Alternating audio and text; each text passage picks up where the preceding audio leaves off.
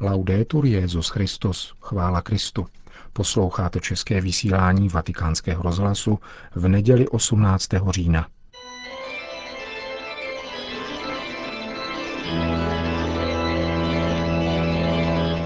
Církev a svět, náš nedělní komentář od francouzského filozofa Fabrice Hadžadího.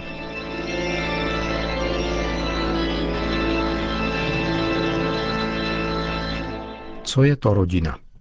Otázka je tak elementární, že se lze zeptat, zda je třeba jí vůbec klást. Můžeme se podivovat nad kladením otázek po něčem tak zjevném a někdo si může myslet, že odpověď povede jen k opakování banalit anebo ke komplikování toho, co je prosté, jako bychom měli jenom jedinou alternativu. Buď rozrážet otevřené dveře, anebo se utápět v malichernostech. Současně však správně tušíme, že primární zřejmosti jsou vždycky skryty ve svém vlastním světle. Nejsou jenom jako nos mezi očima, který je příliš blízko, aby byl viděn, ani jako krajina, kterou člověk už nesčetněkrát prošel a přestal si ji všímat. Prvotní zřejmosti jsou jako zdroj, který osvěcuje a zakládá vše ostatní a proto nemůže být založen nebo osvícen. Ve vztahu k tomuto zdroji jsme jako noční ptáci, kteří by chtěli pohlédnout do slunce ale oslepí je přemíra světla. Všichni pocházíme z nějaké rodiny. Všichni začínáme s nějakým příjmením a naší kolébkou je určitá rodina. Rodina je základ. Avšak je-li rodina základem, pak není možné založit rodinu.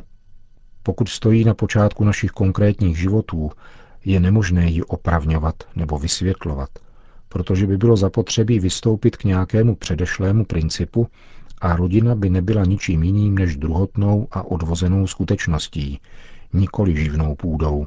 Teoretici, jako Rousseau, kteří by chtěli, aby prvotní lidské společenství byla smlouva uzavřená mezi bezpohlavními a izolovanými jedinci, sami prohlašují, že jde o pouhou fikci a pracovní hypotézu, nikoli realitu.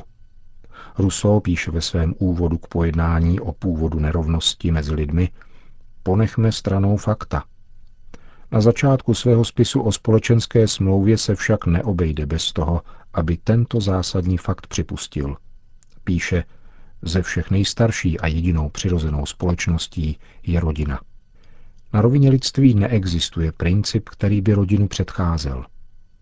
Nelze ji tedy vysvětlit, lze jenom poukázat na její přítomnost, která nás vždycky předchází. Zřejmost tady předchází naše oči – a také je prvními úsměvy a prvními hlasy otevřela a vyzvala, aby se otevřeli. A právě proto je tak nesnadné vyvracet ty, kdo zavile a netělesně napadají rodinu. Je snadnější vysvětlit, že člověk pochází z opice, než vysvětlit, že pochází z muže a ženy. První teze skutečně vyžaduje vysvětlení, a to mnohá, zatímco v druhém případě není co vysvětlovat. Nejde o žádnou tezi, níbrž o absolutně prvotní danost, stejně takovou, jakou je existence vnějšího světa. Jak totiž dokázat, že vnější svět existuje? Jak lze dokázat, že slunce osvěcuje? Není tedy nemístné poděkovat těm, kdo dnes napadají rodinu, poněvadž probouzejí naši pozornost a podněcují nás k úvaze nad touto zřejmostí, která předchází každou objektivitu. Jejich pochybnosti jsou milostí, hereze jsou potřeba – Prohlašuje to svatý Pavel v prvním listě Korintianům. Nedá se tomu vyhnout, že mezi vámi dojde i k rozštěpení, tak se aspoň ukáže, kteří z vás jsou opravdu dobří. Důkaz je v tomto případě fotografický, má vyjevující funkci. Je jako krize, která důkladně zvažuje a umožňuje vytříbit rizí zrno anebo valoun zlata. Nynější námitky obsahují částečně obvinění, proti němuž je důležité se bránit – a nutí ke hledání příčin, před kterým se není třeba bránit. Pochybnost nás v této souvislosti vybízí vrátit se k základu.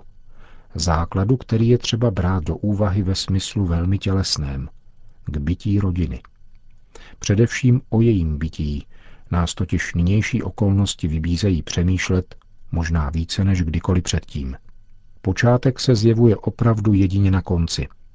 Naše inteligence je tak slabá, naše vůle tak nevděčná, že je zapotřebí ohrožení této reality rozkladem abychom ji konečně začali uznávat. Když se země třese, lze postřehnout velkodušnost, se kterou nás až do té chvíle nosila. Velkodušnost, která je jako každá pravá velkodušnost diskrétní, skrývá se a nežádá nic na oplátku. V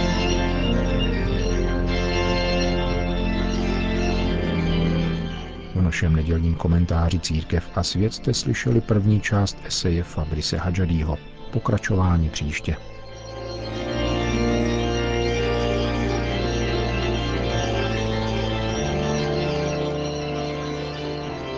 V kontextu probíhající biskupské synody o rodině se dnes dopoledne na svatopetrském náměstí konala kanonizace.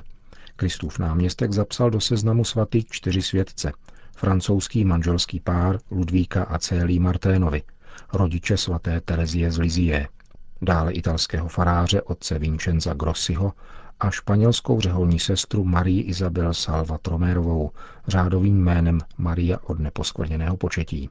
Kanonizační liturgie se pod poněkud pošmornou oblohou účastnilo asi 80 tisíc lidí.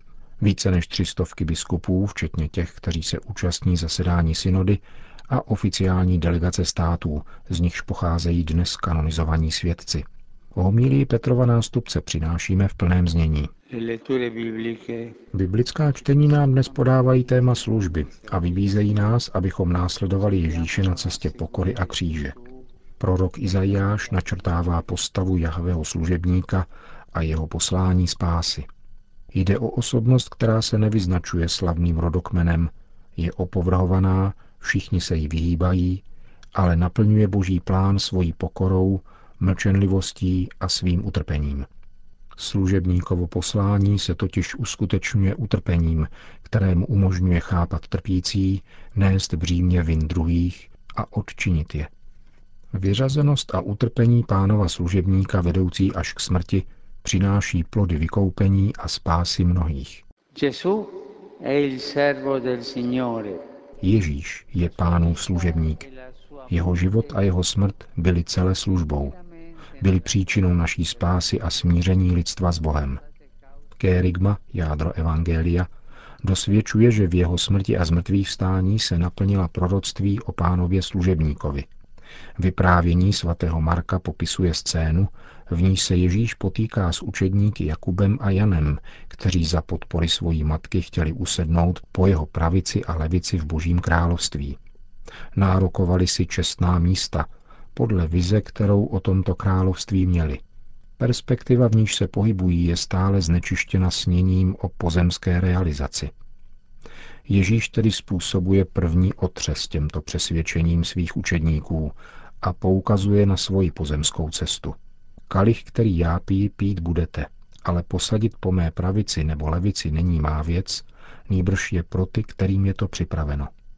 Obrazem kalicha ujišťuje oni dva, že mohou mít až do dna podíl na jeho utrpení, avšak nezaručuje jim, že dosáhnou čestných míst – jeho odpověď je pozváním k následování cestou lásky a služby a k odmítnutí světského pokušení vynikat nad ostatní a poroučet druhým. Tváří v tvář lidem, kteří se domáhají moci a úspěchu, aby se nechali vidět před lidmi a byly uznány jejich zásluhy, jsou učedníci povoláni jednat opačně. Proto je varuje. Víte, že ti, kdo se pokládají za panovníky, tvrdě vládnou národům a velmožím dávají pocítit svou moc. Mezi vámi však tomu tak nebude. Ale kdo by chtěl být mezi vámi veliký, ať je vaším služebníkem. Těmito slovy představuje Ježíš službu jako styl, kterým se v křesťanském společenství uskutečňuje autorita. Kdo slouží druhým a skutečně postrádá prestiž, je v církvi opravdovou autoritou – Ježíš nás vyzývá, abychom změnili mentalitu, přešli od touhy pomoci k radosti ze ztrácení se a ze služby, vykořenili put ovládat druhé a projevovali cnost pokory. A poté, co poukázal na vzor, který není hoden následování, nabízí sebe sama jako ideál, ke kterému se máme vztahovat. V postoji mistra nalezne společenství motivaci nové životní perspektivy – Vždyť ani syn člověka nepřišel, aby si nechal sloužit, ale aby sloužil a dal svůj život jako výkupné za všechny. V biblické tradici je syn člověka tím, který dostává od Boha moc, slávu a království. Ježíš dává tomuto obrazu nový smysl a upřesňuje, že má moc jako služebník, slávu ve schopnosti ponížení a královskou autoritu v ochotě k naprostému odevzdání života. Svým utrpením a smrtí totiž dobývá poslední místo, dosahuje maximální velikost službou a dává ji darem své církvi. Pojetí moci podle světských kritérií je neslučitelné s pokornou službou, která by měla charakterizovat autoritu podle Ježíšova učení a příkladu. Existuje neslučitelnost mezi ambicemi, šplhounstvím a následováním Krista. Neslučitelnost mezi podstami, úspěchem, pověstí, pozemskými triumfy a logikou ukřižovaného Krista. Slučitelnost však existuje mezi Ježíšem znalým utrpení a naším utrpením. Připomíná nám to list židům, který představuje Krista jako velekněze, jenž sdílí naše lidství ve všem, kromě hříchu. Náš velekněz není takový, že by nebyl schopen mít soucit s námi, slabými. Naopak. Vždyť on sám byl vyzkoušen ve všem možném jako my, ale nikdy se nedopustil hříchu. Ježíš uskutečňuje podstatu kněžství svým milosedenstvím a soucitem. Učinil přímou zkušenost našich těžkostí, zná zevnitř naše lidství a to, že se nedopustil hříchu, mu nebrání chápat hříšníky. Jeho sláva nevyvěrá z ambice či touhy pomoci, nýbrž je slávou lásky k lidem. Přijímá a sdílí jejich slabosti, nabízí jim uzdravující milost a jejich úmorné putování provází nekonečnou něhou. Každý z nás jakožto pokřtěný má účast na Kristově kněžství. Věřící lajci na všeobecném kněžství, kněží pak na služebném. Všem se nám proto dostává lásky, která proudí z jeho otevřeného srdce k nám i k ostatním. Stáváme se jakýmsi kanálem jeho lásky, jeho soucitu, zvláště vůči těm, kdo trpí, jsou sužováni úzkostí a osamoceností. Ti, kdo byli dnes prohlášeni svatými, vytrvale, pokorně a s mimořádnou láskou sloužili bratřím, čímž napodobili božského mistra. Svatý Vincenzo Grossi byl horlivým farářem, vždy pozorným k potřebám svého lidu, zvláště vůči křehkostem mladých. Pro všechny se zápalem lámal chléb slova a stal se milosrdným samaritánem pro ty, kdo se ocitli v největší nouzi. Svatá Maria od neposkvrněného početí, čerpající ze zdrojů modlitby a kontemplace, s velikou pokorou sloužila těm posledním, zvláště dětem chudých a nemocným. Svatí manželé Louis Martin a Maria Celia Geren žili křesťanskou službu v rodině a den za dnem vytvářeli prostředí plné víry a lásky. Z tohoto klimatu vzešla povolání jejich dcer, mezi nimiž je svatá Terezie od dítěte Ježíše. Zářivé svědectví těchto nových svatých ať nás podněcuje k vytrvalosti na cestě radostné služby bratřím, s důvěrou v pomoc Boží a v mateřskou ochranu Marínu. Z nebe ať nad námi bdí a jsou nám oporou svojí mocnou přímluvou. To byla homílie papeže Františka. Kanonizační liturgie trvala přibližně dvě hodiny a na jejím konci obrátil papež pozornost k aktuální situaci ve svaté zemi. Se značnými obavami sledují situaci velkého napětí a násilí, které sužuje svatou zemi. V této chvíli je zapotřebí velké odvahy a velké vnitřní síly, aby bylo možné se zřeknout nenávisti a pomsty a počínat si smířlivě. Proto se modleme, aby Bůh posílil ve všech, vládnoucích i občanech, odvahu postavit se proti násilí a činit konkrétní kroky ke sklidnění. V nynějším blízkovýchodním kontextu je naprosto zásadní věcí vytvoření míru ve svaté zemi. Žádá to od nás Bůh i blaholidstva. Na závěr kanonizační liturgie po společné mariánské modlitbě Anděl Páně Petrův nástupce všem požehnal. Končíme české vysílání vatikánského rozhlasu. Chvála Kristu, laudetur Jezus Christus.